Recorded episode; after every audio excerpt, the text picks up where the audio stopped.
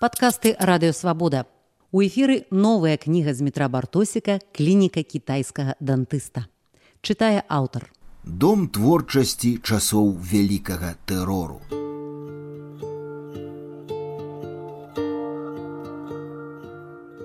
На гэты забыты адрас я наўмысна збіраўся паехаць прыгожым летнім дзяньком, каб сонца асвятляла наваколле, нібы на засвечаных старых фотаздымках, каб абавязкова на аўтамабілі з адкрытым вакном і каб з магнітафону лілася неверагодна прыгожая музыка тых часоў, калі слова падблонь для кожнага беларускага пісьменніка было напоўненае глыбокім сэнсам.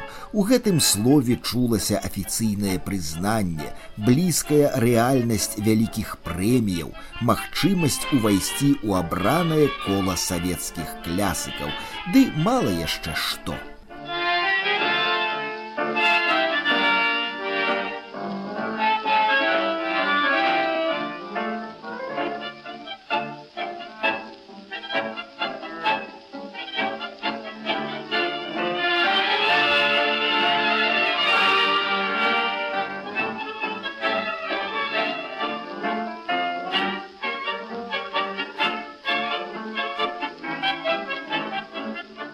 якая яркая і жыццярадасная музыка стваралася ў самыя страшныя часы чалавецтва, нібы нейкая адмысловая калыханка для соннага розуму, Тым часам у Амерыцы ўзнаўляе сваю дзейнасць куклукс-клан, Італія ў захапленні ад сваёй палітычнай навінкі фашызму.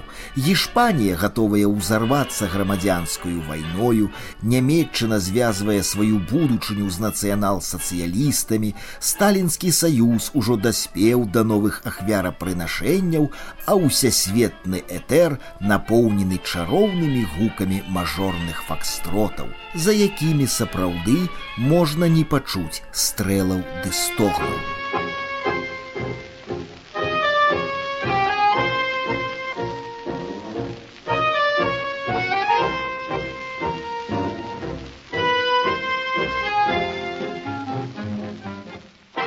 колькі не чытаў пра тую эпоху, колькі не слухаў аповедаў сведкаў, так і не здолеў адчуць яе смаку. Мне так і не зразумець, як гэта можна жывога чалавека пасадзіць на вядро з пацуком.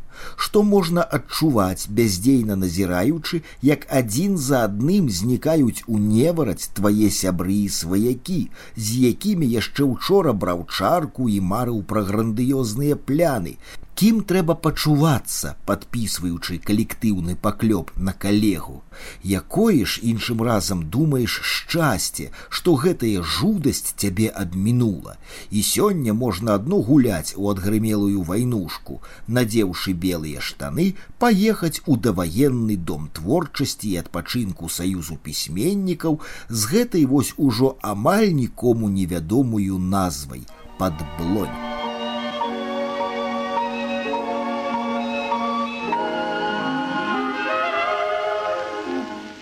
Сёння тых, хто адпачываў тут у пенатах, засталіся адзінкі, а тых, чый адпачынак у сонечнай падблоне перарвалі доўгімі катаваннямі і тэрмінамі, бадай не засталося зусім.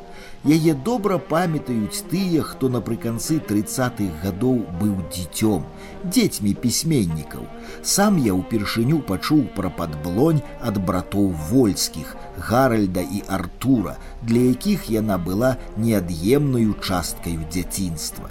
З гаральдам вольскім я сустрэўся летнім пагодным вечарам у александраўскім скверы ў менску гутарка ішла под плёскат вады ў старадаўнім фонтане ды лёгкую гаману моладзі што апанавала сквер бесклапотная атмасфера нагадвала даваеннае кіно не хапала толькі духавога аркестру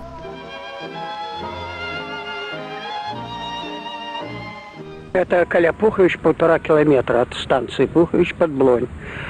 Вот это был двухповерховый дом. На первом поверхе столовая, подсобные помешкания, на другом зал танцевальный такие, там пианино, рояль стоял. И длинный коридор, и там шли комнаты. В каждой комнате семья жила, письменницкая. Кроме там был еще летний флигель, бровеншиты такие, там тоже жили письменники. И детская площадка была, где дети жили. У последние два-три года мы жили отдельно, дети от батьков. Там были воспитательницы и еще такое.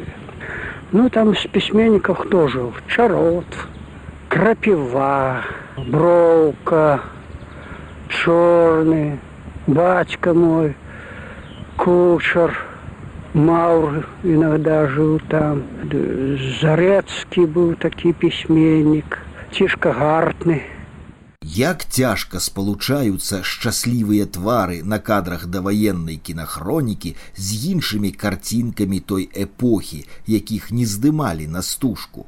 У 1921 годзе Янка купала пераклаў інтэрнацыянал. Стары парадак мы зруйнуем магутным выбухам сваім і свет на новы лад збудуем. Хто быў нічым, той будзе усім. Што гэта значыць быць усім? Гэта ж не пра белыя штаны. Быць усім гэта быць Богам, не адчуць у сабе Бога добра, а стаць усімагутным вяршыцелем чужых лёсаў.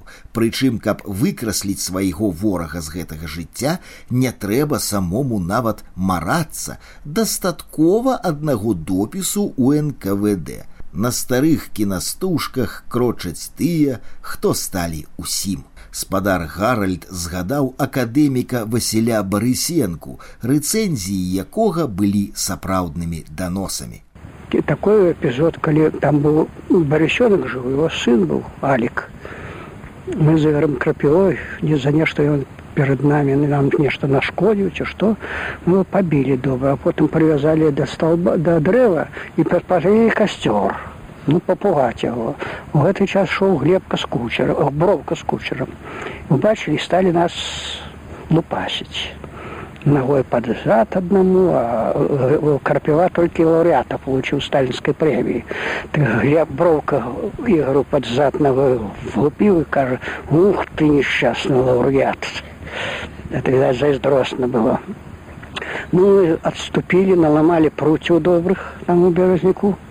И подошли сзади их, дома облуцевали прутьями и за забор убрали. Вот такой, такая была история.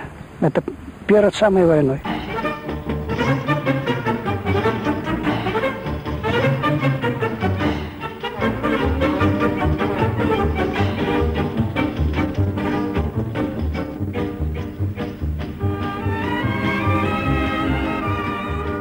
Пятрусь Броука паэт стваральнік беларускай энцыклапедыі чалавек з тварам плякатнага савецкага інтэлігента пралетарская сківіца, высокі інтэлектуальны лоб і добрыя вочы з мудрых акуляраў. Адлівай у бетоне з кнігаю ў руках і стаў у выглядзе помніка ў кожным савецкім парку культуры. Такі жывы помнік можа стаяць за трыбунай з'езду, можа ўглядацца ў светлыя далі, можа прыціскаць партбілет да сэрца, можа нават шырокім праспектам ісці са шчаслівай усмешкай і палаючым значком сталінскага лаўрэата на штрыфелі.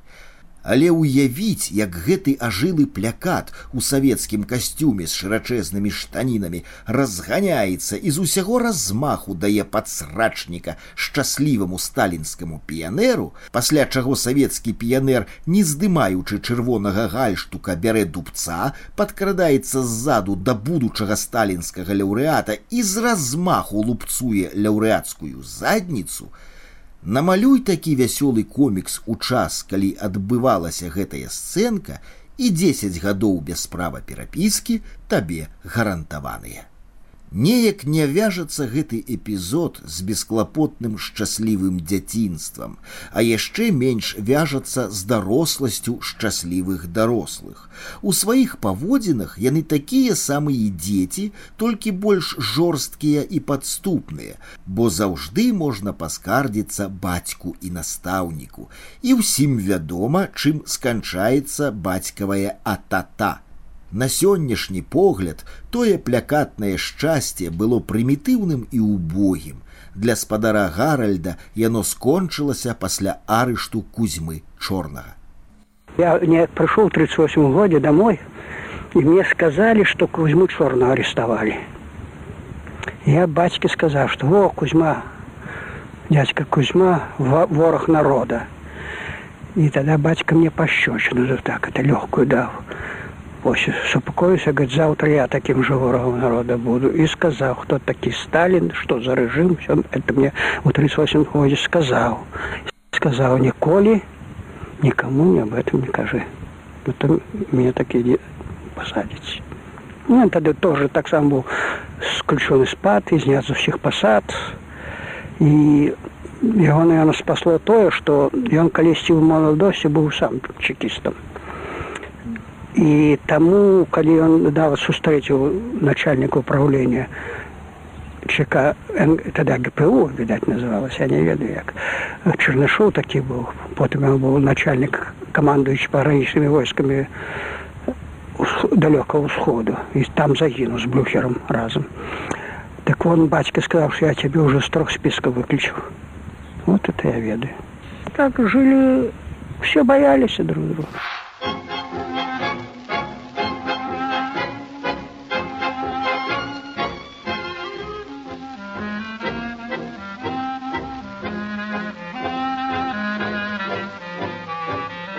Артурам вольскім я любаваўся. Рымскі профіль, высакародная сівізна, глыбокі позірк, а прані хоць у мундзір з эпалетамі, хоць у шляходскі жупан, усё будзе дарэчы, без маскараду. Мы размаўлялі ў залітым сонцам фае тэатру юнага гледача, дзе пісьменнік працаваў загадчыкам літаратурнай часткі. Конечно, это все вельмі светло было і рыбалкі і каля вогнішчу і памятаю там непадалёк ёсць такі гаёк пойдут туды крапіва броўка глебка яшчэ хто пляшку сабой прыхопяць развядуць вогнішча і на ражэнчыках сала смажаць і хлеб падстаўляюць каб капала на хлеб и уже мне дадут кавалочек сала с хлебом таким. И я с таким задовольнением ел, такая, такая романтика. Конечно, горелку мне не давали. Патефон был, рояль был. Вось вельмі хороша, дарэчы, спявала дзегне цвет.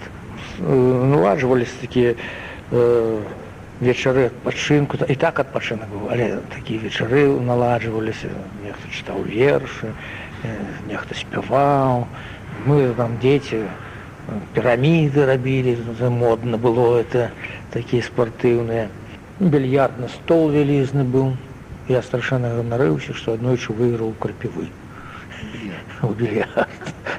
вялікі сапраўдны більярд крапя добра гуляў да его бока было памятаю прыкладзецца так сам высокі і потым ён трошки стуліўся тады быў высокі такі кіты палкладзе паміж пальцаў і вока такое шэрае такое ну я бы сказать пільнае такое так ладно і шаруе.